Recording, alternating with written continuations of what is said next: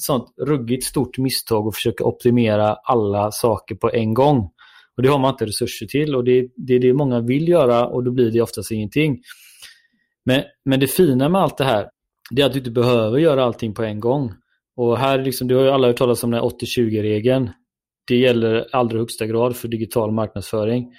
Alltså grejen är när jag kollar analysen för många kunder som jag jobbar med så ser jag att ofta att 1% av trafiken som de får står för ungefär 50% av intäkterna.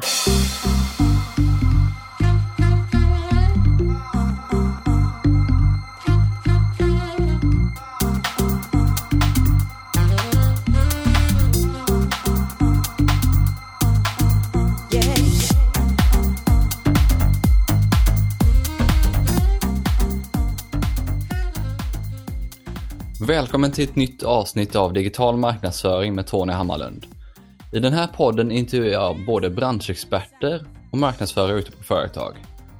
Och i det här avsnittet intervjuar jag Jonas Karlström på e-handelsbyrån Star Republic. Jonas har tidigare varit bland annat Digital Marketing Manager på Naked och Digital Specialist på Mat.se. Vi pratar om Jonas resa från maskiningenjörsutbildning på Chalmers till att bli expert på digital marknadsföring. Han delar under intervjun med sig av mängder med bra tips och råd. Du får i intervjun bland annat höra om hur han upptäckte digital marknadsföring, var man äter mest bacon i Sverige, vikten av att ta vara på din trafik, sumokunder och digitala tillväxtanalyser. Jonas har också satt ihop en pdf med alla verktyg han använder samt ett gäng med andra bra resurser. Du kan ladda ner den enkelt via poddenlägget på tonyhammarlund.io. Här finner du även tidsstämplar för de olika delarna i avsnittet och länkar till allt vi nämner. Nu lyssnar vi in. Välkommen till podden Jonas, det är riktigt kul att ha dig med. Tack så mycket, tack så mycket, trevligt att vara här. Idag är det fredag, hur har din dag och din vecka sett ut så här långt? Oj då, jag har eh, gjort allt från eh, pratat om nylanseringar i olika länder, tittat på eget affiliate-program, varit eh, pappaledig eller varit hustlov här hemma, varit hemma någon dag. Och eh, ja, nu senast så var jag ut, var i ett möte där vi tittade på införsäljning av ett nytt, nytt projekt här till, eh, till en ny spännande kund som jag tyvärr inte kan avslöja vilken det är. Men, men eh, det har varit mycket möten, en hel del strategi och eh, självklart en hel del Google Analytics och lite sådana här saker under veckan, som vanligt. Ja, det låter som en fullspäckad vecka i alla fall. Ja, absolut. eh, målet med den här intervjun är som sagt att jag ska få insyn lite hur andra marknadsförare jobbar, lära mig nya saker och att jag själv blir en bättre digital marknadsförare, men också att samla in lite smarta verktyg och smarta tips på taktik man kan använda. Eh, och sist vi lunchade här så pratade vi lite om din resa som, eh, som egentligen som digital marknadsförare. Och det tyckte jag var något som var riktigt intressant. Så jag tänkte att vi kan börja någonstans ända från början. Var du startade någonstans. Ja, alltså jag heter Jonas då, som, som, sagt och jag bor i Göteborg med mina två döttrar och en bonusdotter. Så att eh, det hör väl alla att jag är från Göteborg. Men jag är också då, har en maskiningenjörsutbildning i början och eh, på Chalmers här i Göteborg. Och jag vet inte varför det blev så, men, men jag vet inte om det var kanske för att göra pappa nöjd eller om det var för att jag själv verkligen ville det.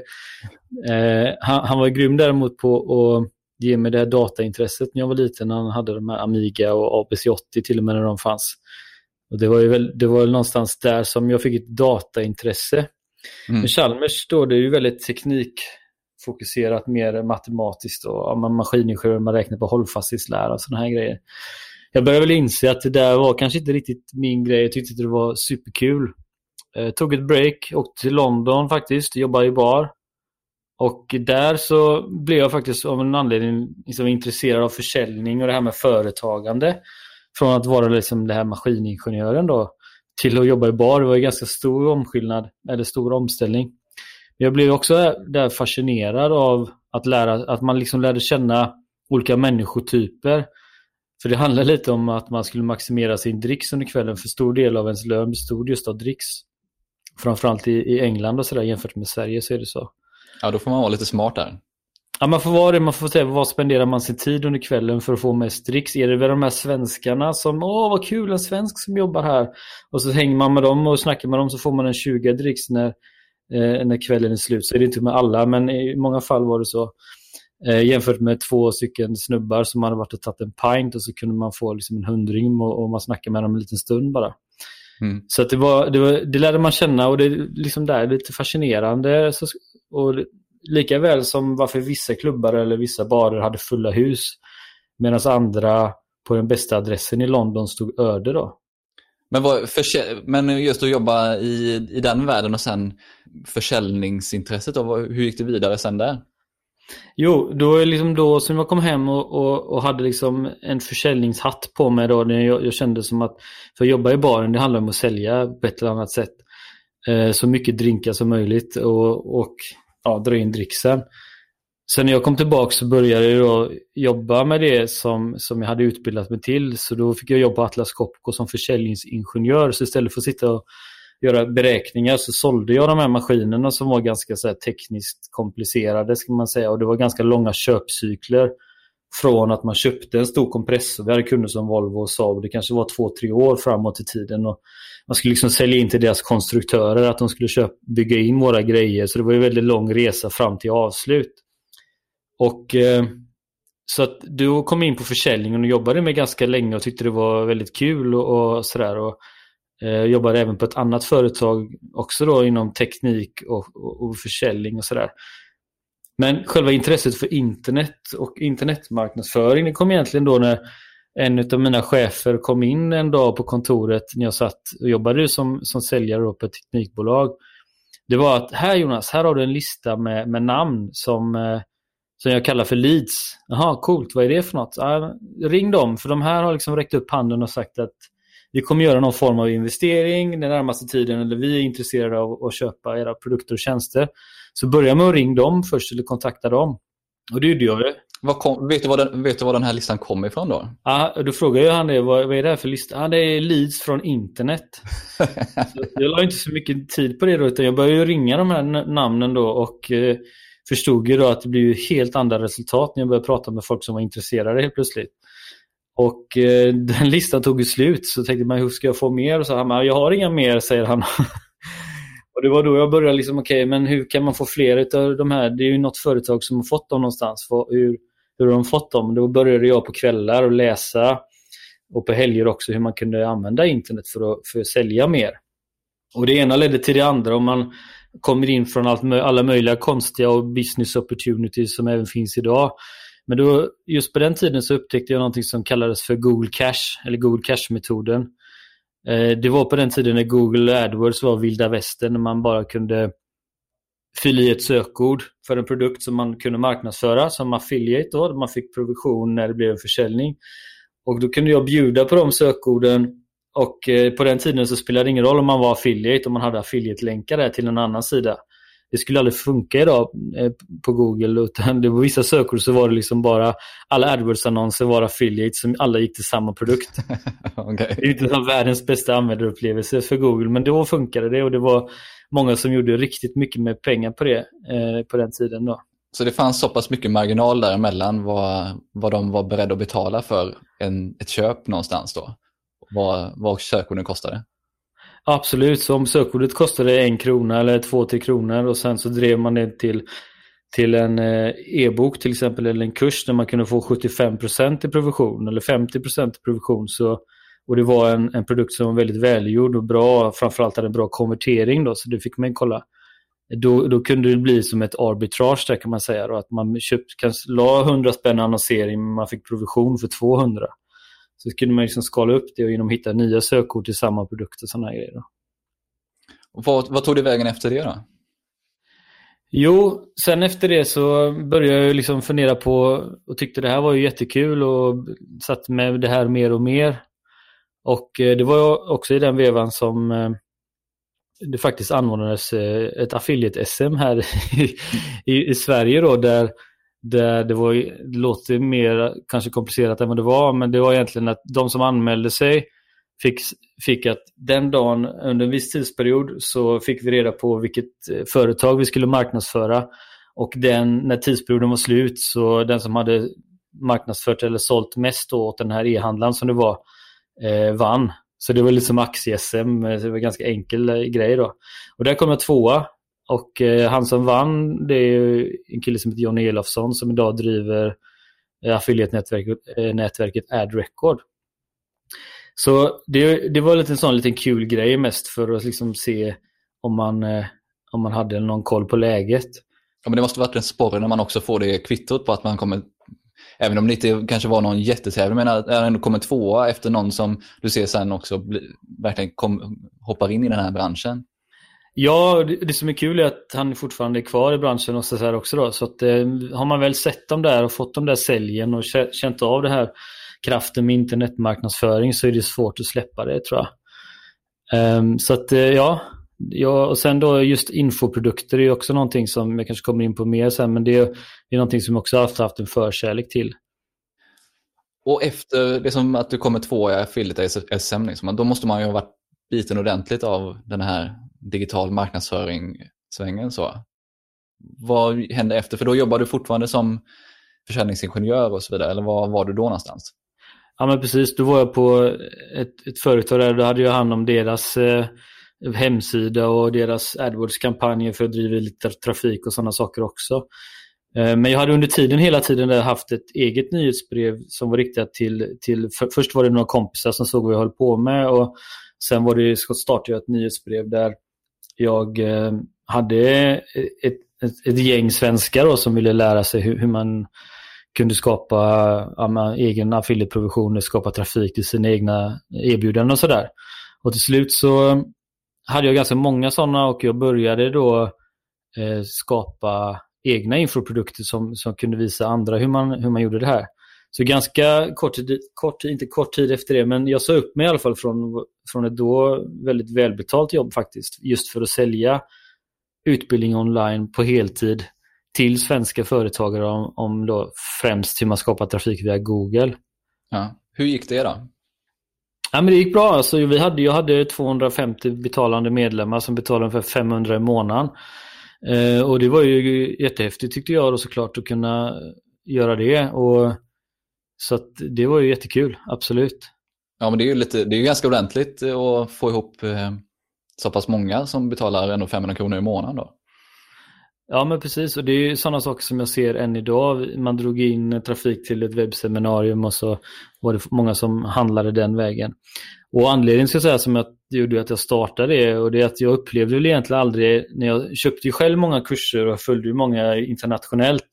Men jag upplevde liksom inte att man hittade någonting som var 100% anpassat för svenska marknader och det, det tycker jag det gäller i högsta grad idag också man, man, det stämde liksom aldrig riktigt när man gjorde sökordsanalysen till exempel så som de berättar eller målgrupperna. Du ska ha si och så många i din målgrupp annars så du vet, ja, du ska ha en miljon i din målgrupp fast vänta nu, jag bor i Sverige.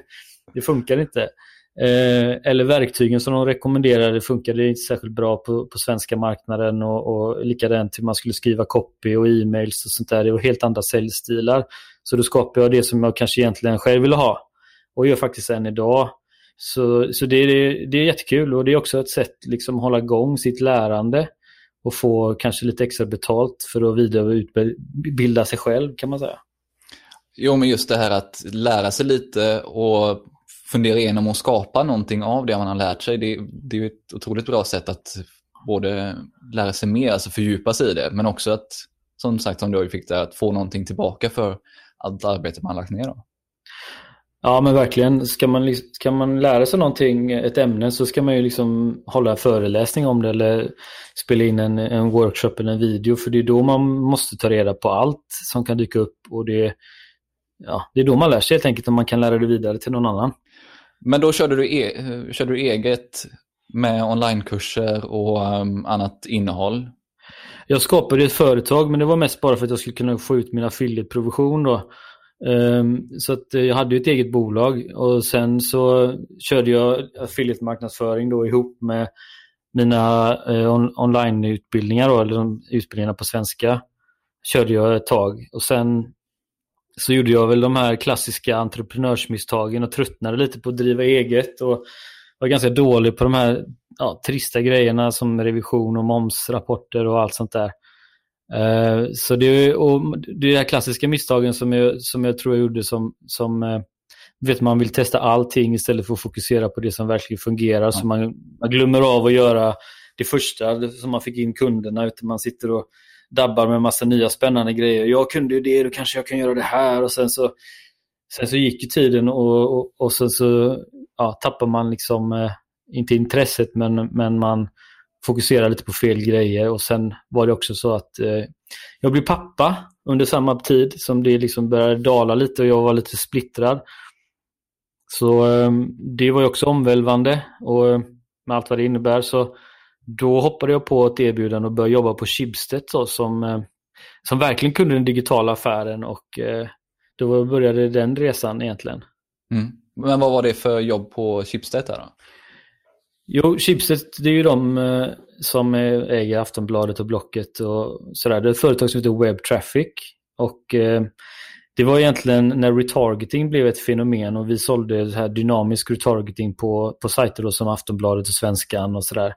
Det betyder att vi kunde visa, om vi har en e-handlare, någon går in på deras e-handlares sida och så kollar de på ett par röda Converse och sen går man på Aftonbladet så såg man de här röda Conversen dynamiskt i annonsen.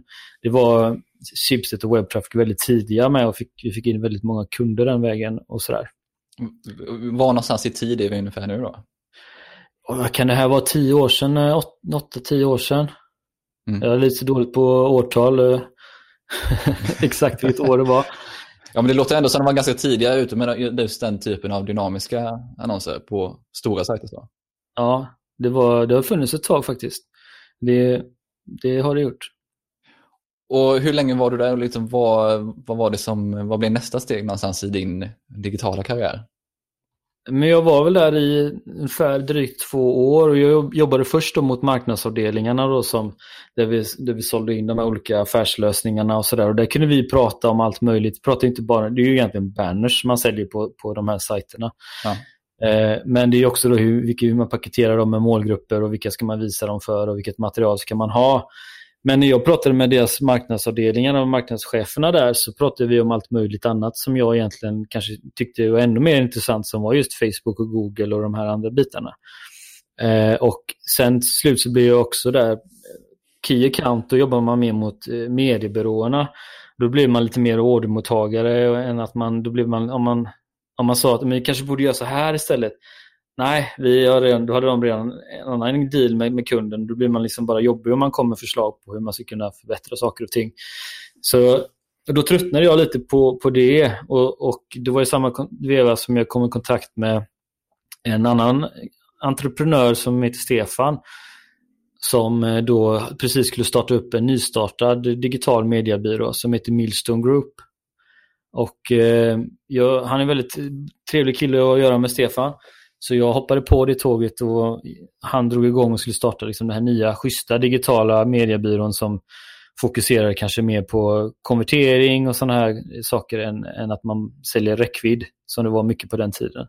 Och vad, vad, blev det, vad var skillnaden när du hoppade och började jobba med Stefan och Millstone? Vad var det för typ av eh, marknadsföring som du jobbade med där? Ja, men då var det ju, då, tanken var att vi skulle ta över de här kunderna och jobba med deras mediaplanering från början eh, till slut. Då. Och eh, Milestone Group, samtidigt som vi hade då Pineberry i vår portfölj, för Milestone Group äger Pineberry som på den tiden var en, Google-byrå enbart.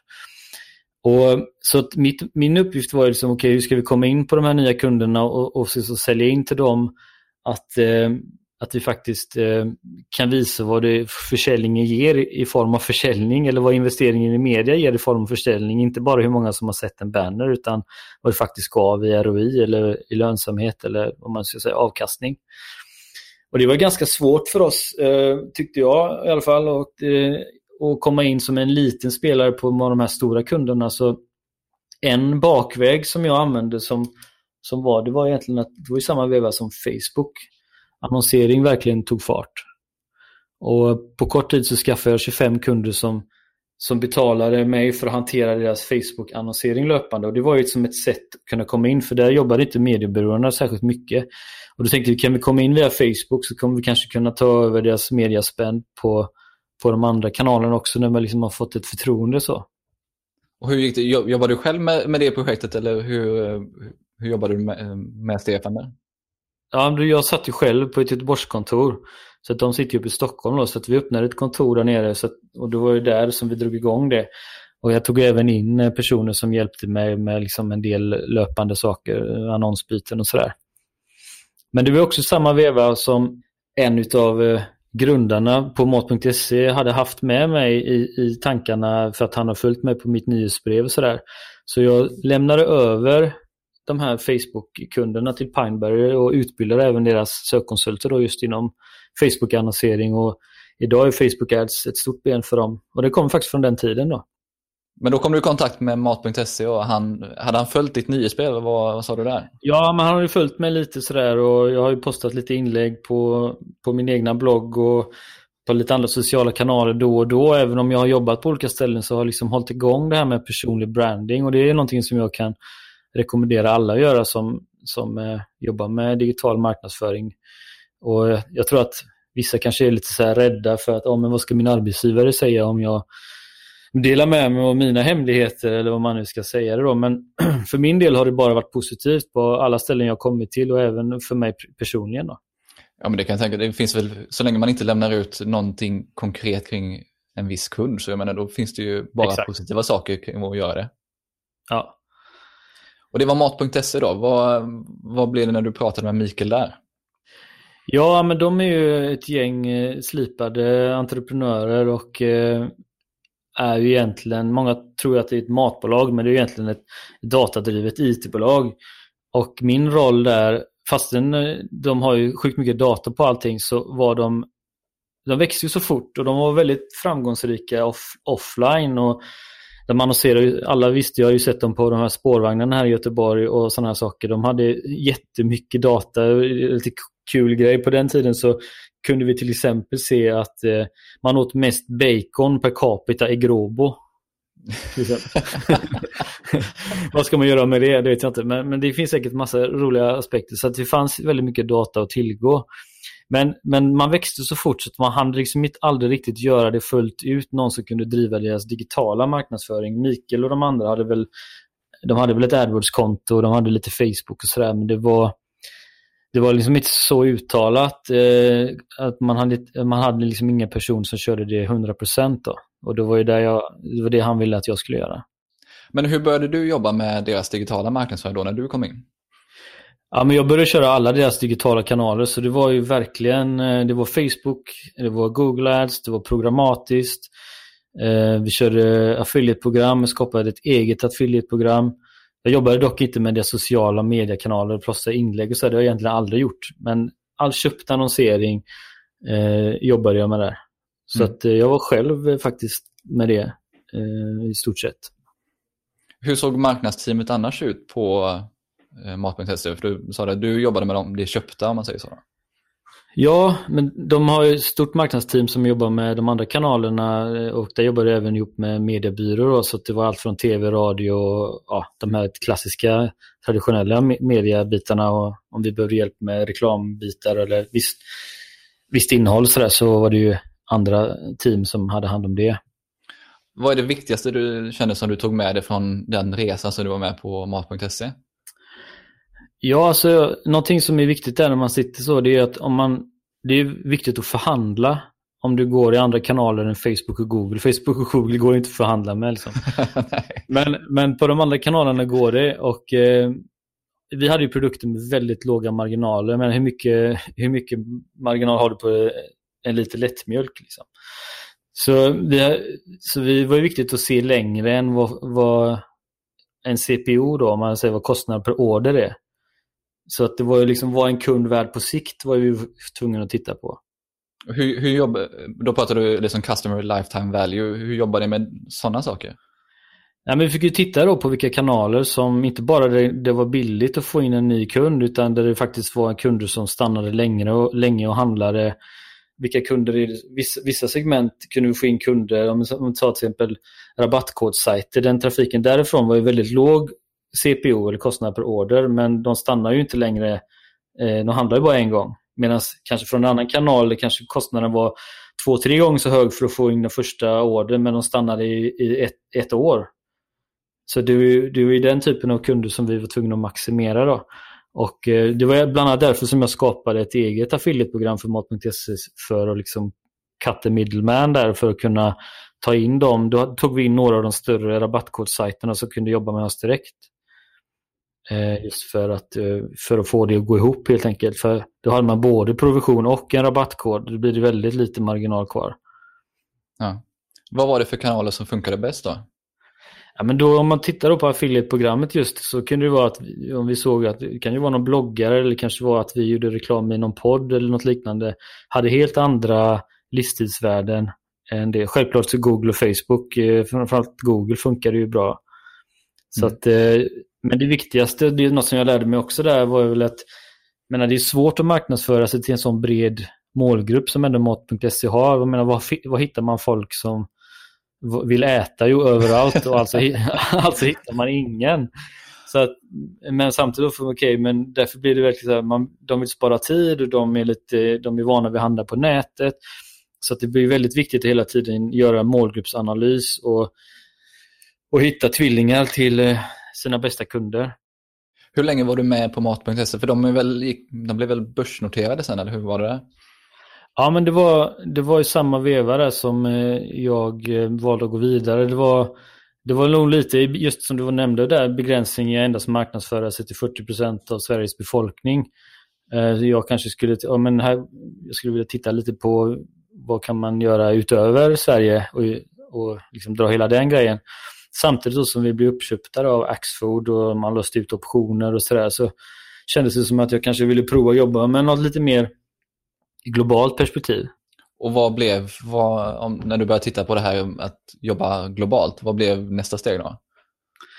Alltså, alltså jag kanske inte visste det egentligen förrän jag blev eh, kontaktad av Naked då, och då var det liksom den här biten att eh, eh, ja, men vi ska ta över Europa och vi ska ta över världen till slut och vi, har, vi ska driva trafik och eh, vi behöver fler folk som är med på den resan. Och jag tyckte det lät jättespännande.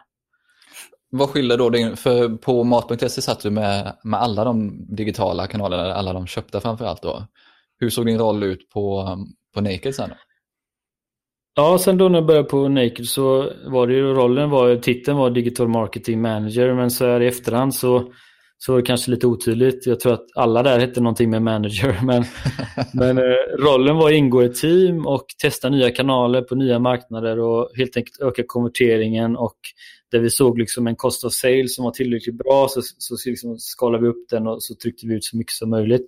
Det var väldigt fokus på tillväxt vid den tidpunkten. Vad var det du jobbade med mest där? Då? Jag, de var ju, när jag började så var de full gång med, med influencer marketing och de var full gång med paid social och affiliate-program. Och eh, här jobbade personer redan men störst utvecklingspotential för mig utifrån min bakgrund, bakgrund då vi såg att Google Ads var. Och här var man bara liksom igång lite i Sverige och såg att man hade mycket att hämta på de här större marknaderna ute i Europa som Tyskland och Benelux och UK. Mm. Så eh, ja, där var liksom det som jag har lagt mycket fokus och sen eh, även också då eh, jobba en hel del med att sätta upp e-mail marketing automation för att liksom få öka värdet per kund och segmentera och i slutändan öka trafiken jämfört med att till exempel att man bara kör kampanjmail till alla på nyhetsbrevet så att försöka ta vara på trafiken så mycket som möjligt. Vad var det som funkade allra bäst då? Det är väl lite olika. Alltså, de, alla de här kanalerna som jag, som jag nämnde där är de väldigt, väldigt starka på. Och eh, som, det, och någonting som jag lärde mig där det var liksom att vikten av att ta vara på trafiken som man, som man driver lite effektivt och att, man, att den här trafiken bygger upp tillgångar så att man kan nå dem igen utan att behöva betala fullpris varje gång man har en ny lansering då, eller man har viktiga kampanjer. Så förutom liksom att att man har det här givna då, att man eh, jobbar med konverteringsoptimering och sådär, så är det också viktigt för en e-handlare att man kan tillföra någon form av så här stickiness till sajten.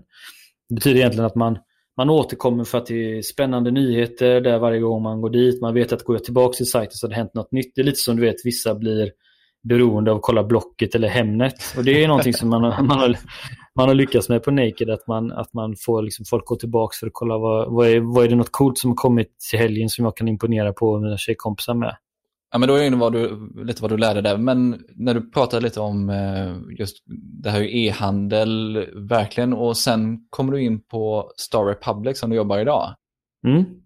Hur gick den övergången någonstans från, eh, från att jobba på en e-handlare som Naked till Star Republic som är en byrå för e-handlare? Men jag tror att jag eh, fängslades lite av det här med att, att jobba med, med flera större kunder igen. Jag har ju varit på byrå innan där som sagt var än att man satt bara på ett och samma ställe. Då. Och jag tror att jag som person också har ganska så här eh, bred spektra när det gäller digital marknadsföring och eh, kanske skulle haft en roll som är ännu lite mer så här, man kan jobba med många kanaler samtidigt och lite mer strategi. Och, och det är precis vad, vad Star är ute efter och Star för, det är en e-handelsbyrå där vi liksom har vi 70 utvecklare, innovatörer och kreatörer då, som jobbar med ja, större e-handlare kan man säga Många av dem är 200 miljoner uppåt som vill ha kanske något sånt här lite mer skräddarsytt som inte är så inboxad lösning. Mm. Eh, och eh, Det tyckte jag verkar superspännande och eh, ja, drogs till det igen där och kunna få vara med och hjälpa dem att utvecklas, de kunderna. Hur är det då att arbeta på, när du sitter på byrå och arbetar med e-handlare av den här storleken med digital marknadsföring?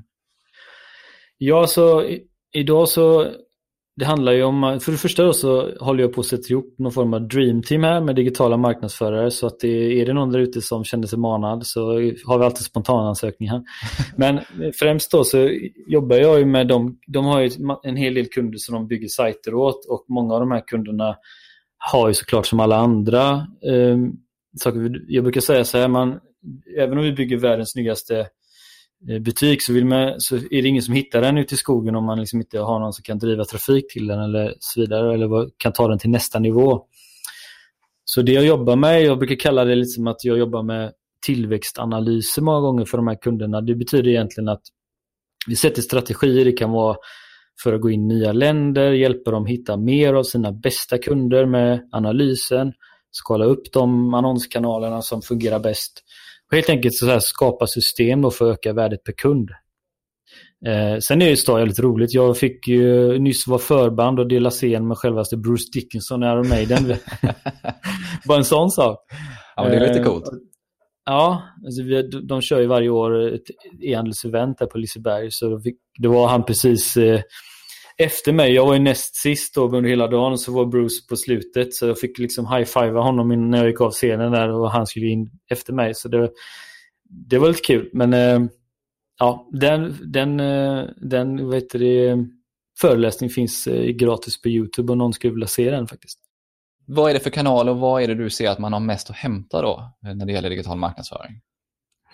Ja, men alltså, så här är det, många av de som jag, företag som jag träffar och som jag stöter på, de, de har haft liksom en första våg av, av, framgång och sen så avstannar det lite när man har tagit de här enkla kunderna, de här enkla, man har haft en, en man har fått smak på det och man börjar titta på andra i branschen och ser att shit, jag kanske går miste om saker här. Jag finns inte i den kanalen, jag gör inte det. Och de börjar, gå, de börjar läsa bloggar om marknadsföring, de börjar gå på e-handelskonferenser och notera att de att det kan vara allt från att men vi kanske är lite svaga på CRM och segmentering. Eller hur är det med SEO? Och han i den branschen har ju 30% organisk trafik. Varför har vi bara 10?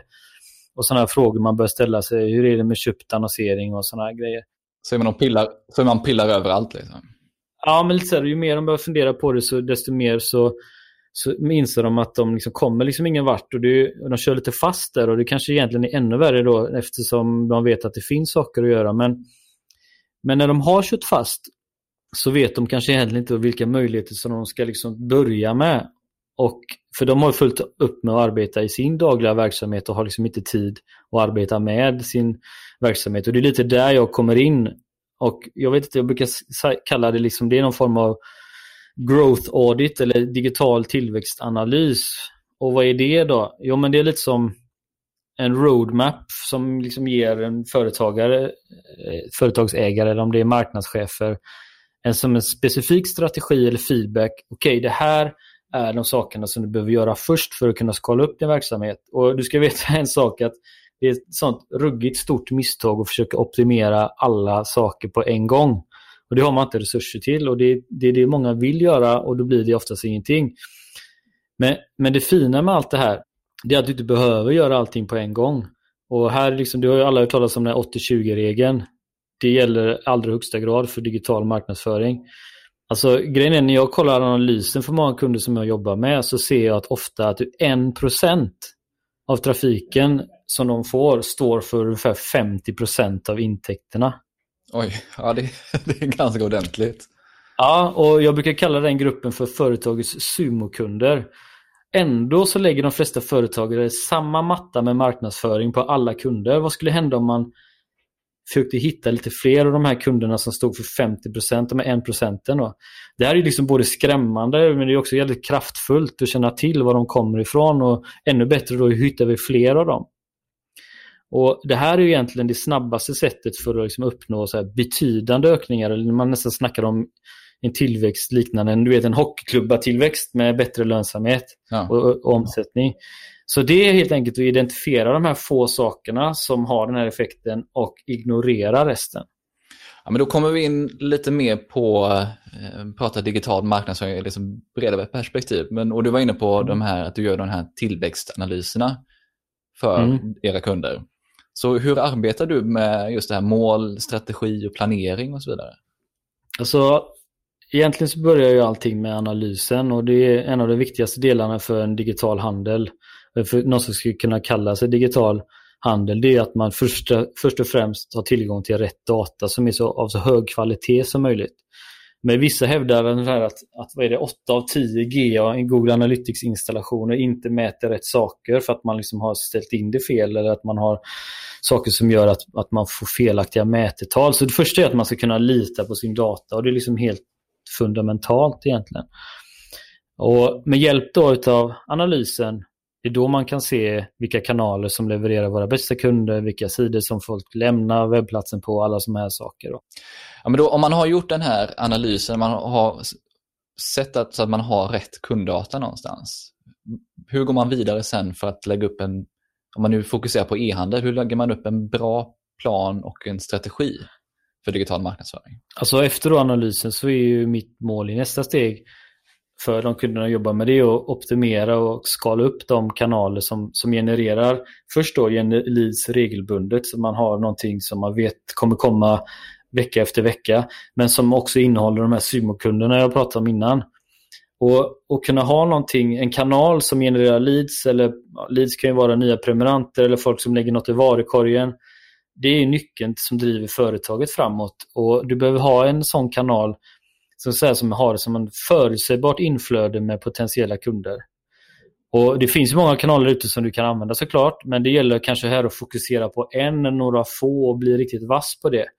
Så förutom själva kanalen då, som kan vara Facebook Ads eller Google eller SEO, SEO eller vad du vill, så behöver du ha ett system då som effektivt, alltså har en hög konvertering, fångar upp de här, det här lidet så du kan börja liksom förädla det på något sätt. För folk kommer inte handla av det första gången det är liksom, för tio år sedan så kanske man behövde tre kontakter med en kund för att den ska få den att handla. Idag 2018 behöver man kanske 20 kontakter med en kund för att den ska handla av det. Så det gäller att fånga upp dem på ett eller annat sätt och förädla dem på vägen. Vilka kanaler brukar du se att man börjar med i så fall? Alltså för mig är det givet att man börjar med, med, med Google Ads eller Facebook-annonsering just för att det finns ingen annanstans egentligen som man kan ringa in sin målgrupp så himla bra eller som folk som söker på någonting efter Google och på Google har ju kommit så långt i köpresan så kan man inte bli lönsam om man driver trafik från annons, för den trafiken så kommer man ju ingen idé att optimera för SEO heller om man inte ser att den konverterar först i Google Ads. Och på samma sak på Facebook Nej. så Medan du kan välja att ringa in en person som har så specifika intressen eller liknar exakt dina befintliga kunder. Men vilken annan kanal kan du få samma data eh, som gör det billigare. Du kan ju testa med 20 kronor per dag på Facebook idag.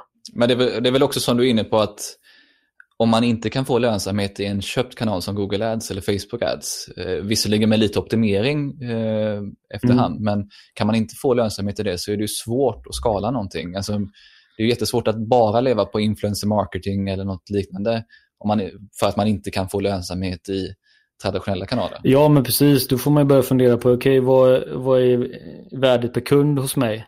Hur kan jag öka värdet på kund? För ju mer du kan öka ditt värde på kund, desto mer kanaler öppnas upp för dig. Så om man skulle säga att Facebook och Google är liksom, eller dina, best, dina kunder är, är bullseye. Om du skulle kontakta dina kunder idag som du har, där är det enklaste att få dem att handla något kompletterande produkt. Sen lagret utanför det skulle man säga, okej, okay, här är ju då Facebook och Google och sen när du har lönsamhet i det och kanske utvecklar eh, så att du har kompletterande produkter med mer försäljning och du får ett större erbjudande. Då, då har du råd att kanske marknadsföra dig till, till nästa kanal och, och där ytterligheten till slut blir kanske då tv eller gå breda kanaler för då har du, då har du liksom råd med det. Men jag skulle inte börja där eh, utan jag skulle börja där med, med, med, med Facebook Ads eller Google Ads många gånger.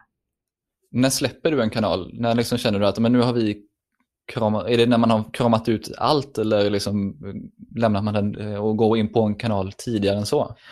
Alltså man kan ju, man kan ju se det på olika sätt. Liksom, många tittar ju på vad kostnaden per konvertering blir och kan man inte skala upp den här längre. Om man tar till exempel Google så är det ju så här, vissa, där kan man inte påverka sökvolymen egentligen. Om man har, ja, det gäller att hitta nya ingångar till samma målgrupp. Men så om jag till exempel, låt säga att jag säljer eh, Eh, restaurang eh, eller arbetskläder. Det finns det ju en ungefär fast volym på sökningar på arbetskläder. Sen när jag har tagit den sökvolymen, okej okay, vad ska jag hitta på då? Eh, jag kan ju försöka liksom hitta andra vägar in till samma målgrupp på Google och sådär. Men ja, då skulle jag kanske i det läget lägga på flera kanaler och se okay, men vilka andra vägar in är det som, som, som jag skulle kunna titta på för att för att nå den här målgruppen. Sen kan en kanal heta Facebook eller Google eller vad som helst. Men, men det är väl egentligen när kostnaden på konvertering på alla andra saker man har testat i den kanalen blir så mycket högre att man inte är beredd att betala för det. Då är det väl kanske dags att se om man kan hitta andra, andra vägar. Då kommer man vidare, för då, då har vi pratat lite om genomför man jobbar med de här kanalerna. Och, men när man pratar sen uppföljning, utvärdering och optimering av kampanjer och olika kanaler. Hur jobbar du där? Ja, men där blir det ju att man får ihop med kunden och titta på vilka är deras kopior. Man kollar okay, vilka mål, vilka benchmarks har vi, vad, hur, hur ligger vi på den här resan på de uppsatta målen. Jobbar mycket med rapporter, det kan vara dashboards där man tittar över, hur man kan se i realtid vad, vad som händer. Jag har även kunder där jag hjälper med, där jag bara går in och tittar på deras analytics och kommer med findings varje, varannan, var 14 dag till exempel. Så att de eh, kan fokusera på sina grejer och sen så säger jag det här har hänt denna veckan, det här är det som är intressant. Eh, här måste vi göra någonting, här har vi hittat en möjlighet.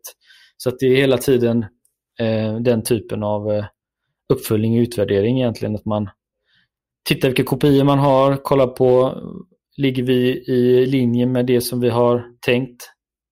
Och eh, om inte vi gör det så får vi skruva upp kanalerna. Om ligger, ligger vi för högt i spänn då får vi skruva ner och så vidare. Mm. Så jag tror att det är viktigt att man har det tydligt bara så att man, för vissa vill ha det visuellt och då sätter man upp en en dashboard. Det kan vara en dashboard som är en dashboard för marketinggänget, en annan dashboard som är till vdn och en tredje dashboard som kanske är till IT-gänget så där man ser att man inte kassan ligger ner eller att mobiltrafiken funkar på alla sidor eller ja, driftstörningar helt enkelt. Så, här.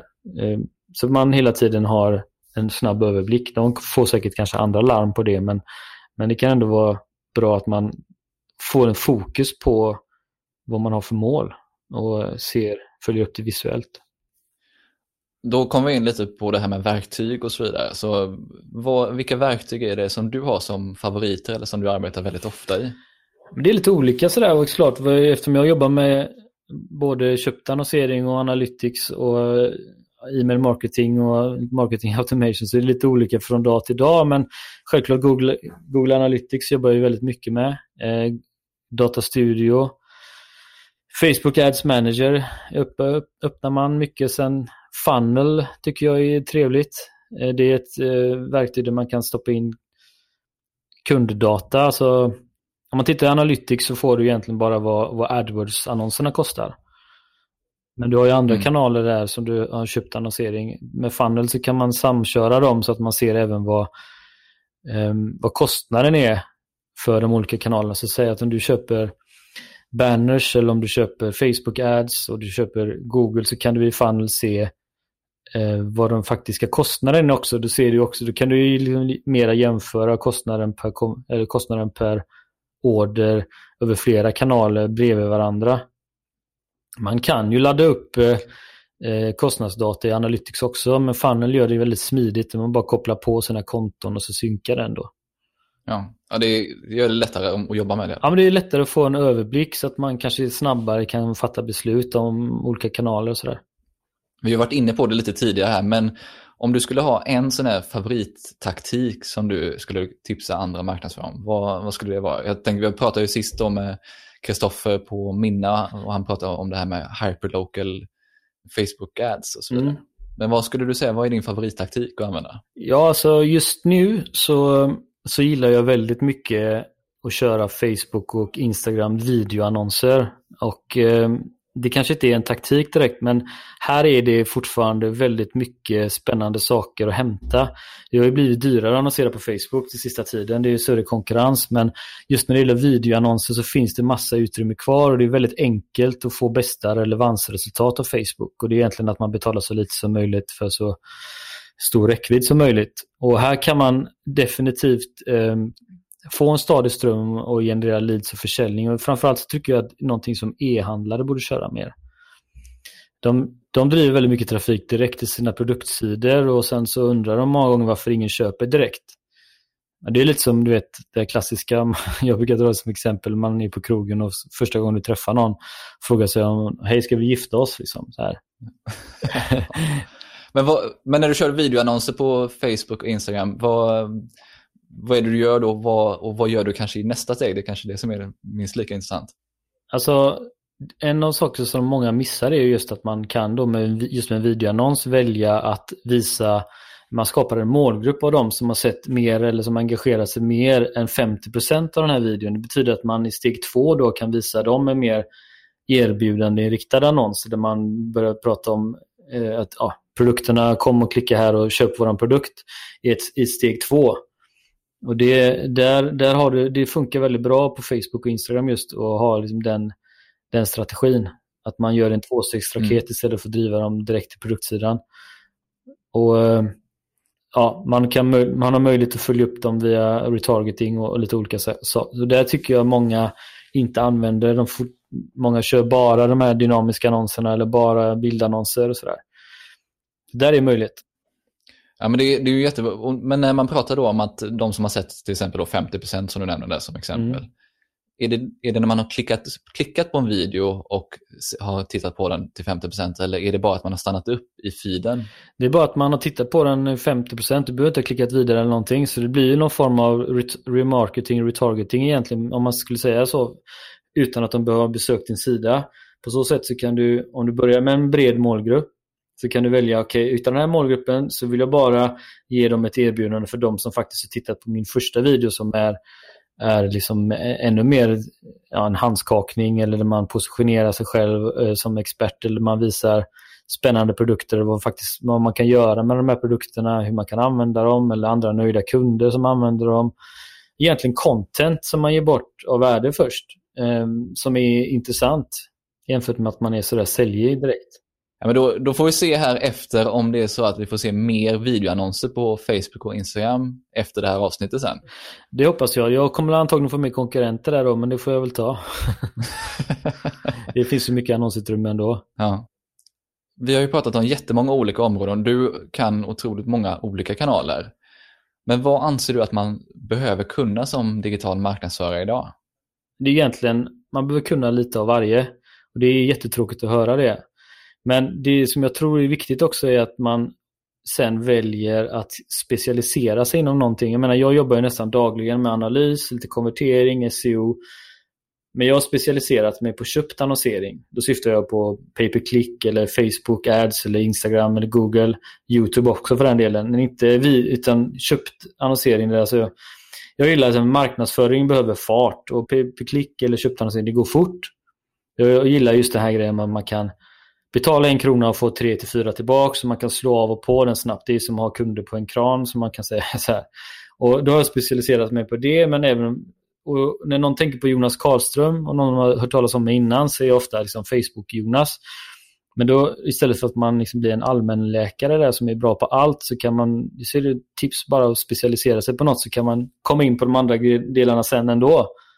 Hur är det egentligen? För att det är det här med att specialisera sig eller att vara mer bred i sin kunskap kring digital marknadsföring. Det är någonting som jag pratar med många av mina gäster och många andra om också. Men det, när man då pratar som du, då, Facebook Jonas till exempel, är det inte om du hade varit, gjort en specialisering tidigare, är det inte farligt att vara, så, alltså, vara inne på en kanal så väldigt mycket?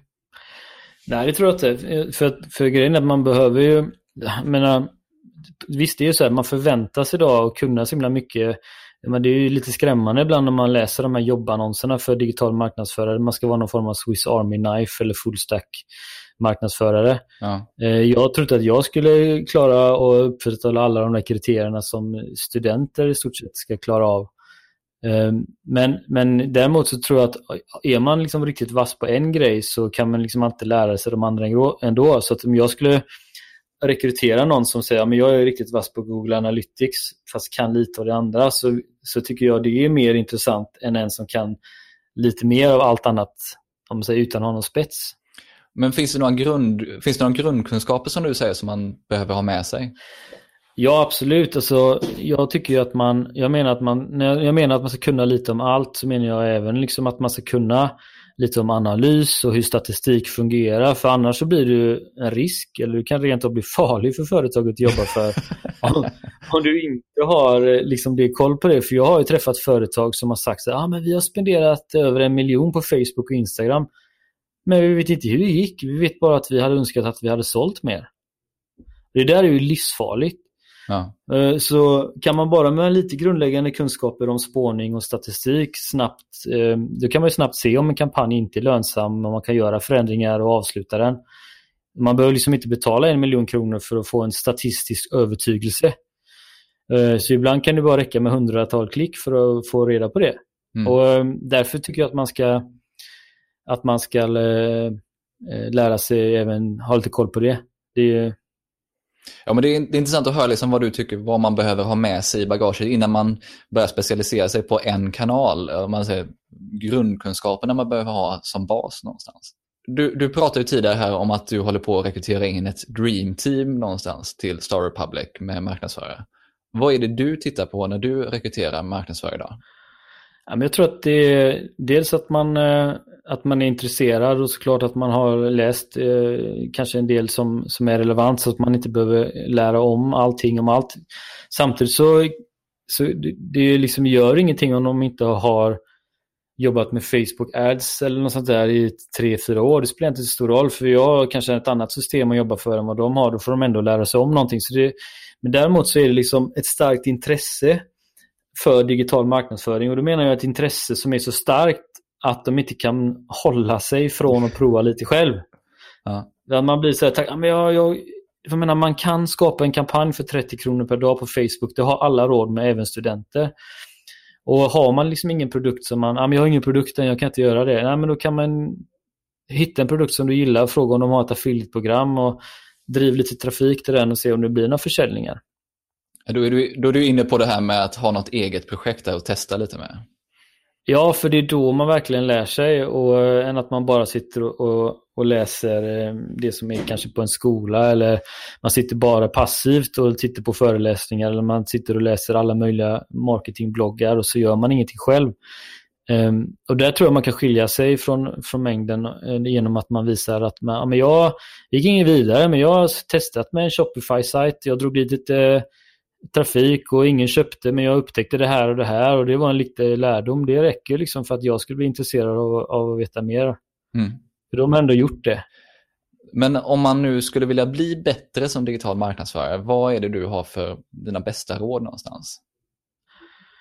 Ja, alltså förutom att analys och specialisera sig inom någonting så skulle jag säga en del är psykologi och copywriting också. För det är någonting som en digital marknadsförare måste förstå. Det tror jag inte att alla tänker på. Vad, vad är det som egentligen får människor att triggas och vad vill jag handla. Vilka problem brottas de med? Vad ska jag ha? Vad är det? För det är nästan många gånger viktigare än, än vilka, hur du, vad tekniken är. Så vi, varför vill de ha den här produkten från början? Och tyvärr så, så är det uppdelat på många ställen framförallt kanske på byråer och sådär. Och där det sitter en copywriter i ett rum som aldrig pratar med han som skapar annonserna på Facebook eller Google. Eller, eller så anlitar man en copywriter utifrån och så blir allting så himla långsamt. Man, man, kan man eh, lite av det också så, så tror jag att man har eh, också mycket med sig som digital marknadsförare. Så egentligen ha analys, eh, att kunna jobba, det här, jobba datadrivet och sen ha lite kunskap kring psykologi, användarpsykologi och köppsykologi och copywriting då? Ja, för vi måste liksom veta vilka ord som man ska använda eller för att kommunicera att våran produkt eller tjänst kan lösa de problemen och inte bara prata teknik. Allt för många jag träffar då tror att det som är viktigare med snygg design än orden man kommunicerar på webbplatsen eller i en video. Design är inte oviktigt på något sätt men det, syftet med den är att den ska lyfta fram orden för att få en större genomslag eller större genomslag, inte tvärtom. Hur gör man då för att lära sig det här? Vad finns det för resurser eller hur, hur gör man? Ja, men det finns massa bra litteratur om copywriting och det finns eh, en bok som jag alltid rekommenderar som heter eh, Influence någonting. Ja, men vi lägger med det. Men det är väl Robert Cialdini tror jag. Robert Cialdini. Ja, precis. Men det är sådana här saker som gör att man bara förstår att eh, vad är det som triggar människor att handla och köpa. För det är, när du ska jobba med andra kunders kampanjer sen så, så räcker det inte bara att veta hur du skapar en kampanj eller vilket format du ska ha utan vad är det som triggar de här personerna? Vad har du för andra tips? Du nämnde den här boken Influence. Men vad har du för andra tips på böcker, poddar eller YouTube-videos eller liknande som du tycker som man ska kolla in? Ja, alltså, jag har ju några som jag tycker som jag följer själv. Och dels när det gäller Google Ads så läser jag självklart Inside Google Ads som är Googles egna. Det låter jättetråkigt att tipsa om det men det är därifrån det mesta kommer ändå. Facebook Ads så kollar jag Social Media Examiner tycker jag är bra. Eh, content och konverteringsoptimering så brukar jag titta på de här Conversion Excel. Mm. E-handel finns en massa roliga grejer. Eh, jag gillar econsultancy.com. Det är ganska mycket... Alltså att kolla på annonscase det handlar om vad som händer just nu. Vilka resultat får de? Allt för många liksom försöker in i framtiden. Utan kolla vad som funkar här och nu. Eh, jag har en till här förresten, analys då.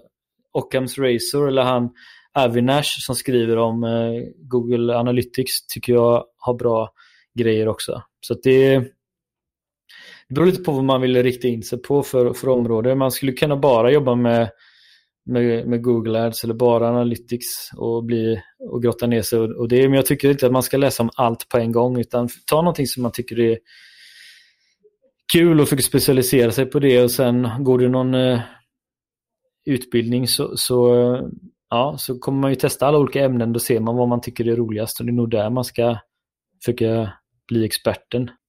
Ja, hitta en väg in någonstans tänker du? Mm. Och sen kunna gå vidare? Ja.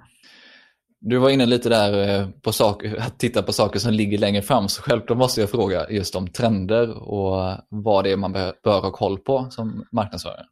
Ja, och det där är ju lite lurigt då, för många tänker så att man ska se, ungefär ska se in i framtiden och ska man börja prata om det, desto mindre relevant blir man oftast om man ska liksom börja prata om det med sina kunder. Men jag skulle säga att eh, för just digitala marknadsförare så en sak som är viktig, kanske inte är någon trend, men något som jag märker det är att man också då liksom umgås med vanligt folk. Då menar jag sådana som inte bara läser marknadsföring, utan hur handlar de? Och, och Det är därför jag liksom gillar att jobba på byrå också. Man träffar ju många som inte bara är digitala marknadsförare. Och så det vill säga att vad dina sumokunder som jag pratade om innan, lär känna dem på riktigt, prata med dem. Om du jobbar som digital marknadsförare idag för ett företag så, så är det snarare då viktigare, vilka kanaler är det som trendar för dem? Och mm. Annars så skulle jag självklart säga sådana saker som, ja visst, jag röstsök, det tror jag verkligen kommer sticka iväg och där skulle man ju kunna grotta ner sig och bli expert och ha hur mycket att göra som helst. Hur optimerar man sin webbplats för att synas i röstsök? Jag ser fler och fler som använder det. Jag använder det själv det dagligen. Eh, vad använder du det till då? Nej, men då kan jag, jag kan stå i affären och säga vad är, hur många ägg behöver jag ha för att göra pannkakor?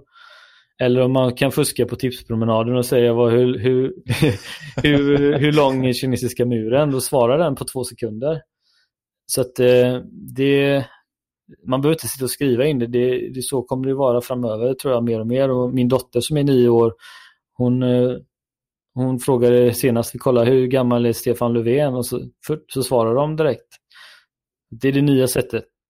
Men det, det, för det här är någonting som jag funderat på, även om man nu inte ska liksom fastna i det här med röstsök helt och hållet kanske. Men det här är ju bra exempel på sådana enkla saker att kolla upp. Det här som fakta eh, kring recept eller fakta då, vem som var president när eller vem som är statsminister och så vidare. Mm. Men du sitter ju med e-handlare, alltså en, den branschen. Hur, är det, hur påverkar det handeln till exempel? Ja, så långt har jag inte, jag har liksom ingen så här jag, jag, kommer inte säga till någon av mina kunder att ah, nu ska vi släppa allt här, nu ska vi börja med röstsök. Utan jag kommer börja titta i analysen och kolla vad är deras humorkunder? Vad, I det här landet ska vi skala upp den här kanalen, vi ska öka det här, det här. Det är nästan ännu viktigare att veta vad man ska skita i, för det är då man blir ofokuserad, det är då man kör fast. Mm. Eh, och Sen kan vi lyfta in eh, lite, då, lite nästa grej och nästa grej. Och Det kan hända att det är röstsök, men, men just nu så, så är det inte det. Och jag, jag skulle säga om man är digital marknadsförare, läs andras annonscase. Jag provade det här och det här, jag fick de här och de här resultaten. Det, det är sådana såna saker är ju superviktigt. Då får man ju erfarenhet som man egentligen lånar från någon annan som har gjort det.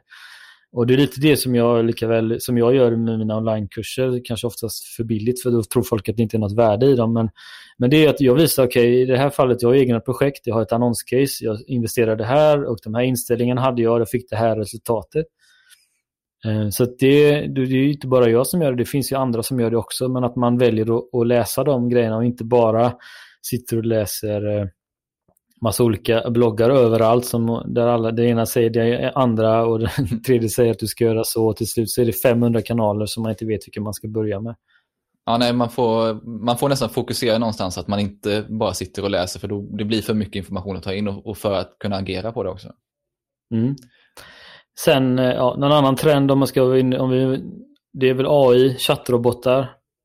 Det är också en sån grej som jag tror, eh, eller det är ju redan in, intressant. Liksom min, min dotter som också är nio år kan ju bygga en chattrobot på Messenger idag. Det är superlätt om man, om man vill det. Liksom. Varför gör man det då? Varför skulle man bry sig om Messenger? Jo, för 99% av de som får ett meddelande på Messenger öppnar meddelandet. Hur många är det som öppnar dina e-mail som du skickar? Har man tur så har man, ligger man liksom på 30-40 men det... Så att, eh, ja, det, det, det där är jättespännande. Det tycker jag i alla fall är, är någonting att hålla koll på. Du var inne på det, du producerar en hel del innehåll själv också. Så avslutningsvis vill jag bara kolla, hur följer man dig bäst och var hittar man ditt innehåll någonstans? Jag kan bara gå till min eh, blogg jonaskarlström.se, Karlström med C.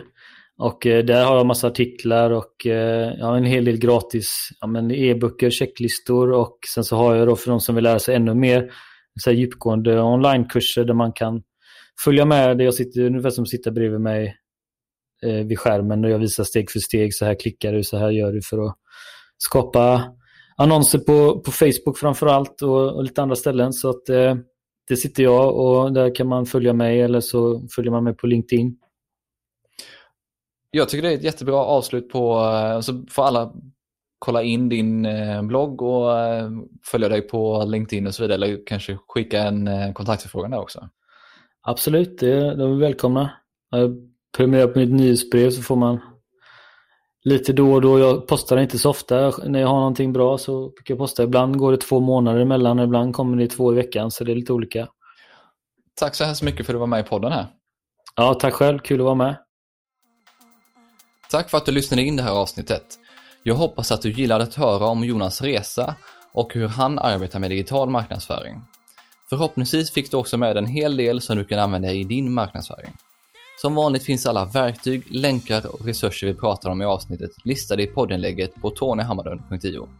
Och glöm inte av att ladda ner Jonas Marketing Stack PDF som du också hittar i poddenlägget, där han listar både verktyg och bra resurser. Är det här första gången du lyssnar in så hoppas jag också att du prenumererar i din podcastapp och tipsa gärna andra som du tror kan vara intresserade av det här. Jag vill också passa på att tacka Mikael på Newbreeze Music som både klipper podden och står för musiken. Vi hörs snart igen.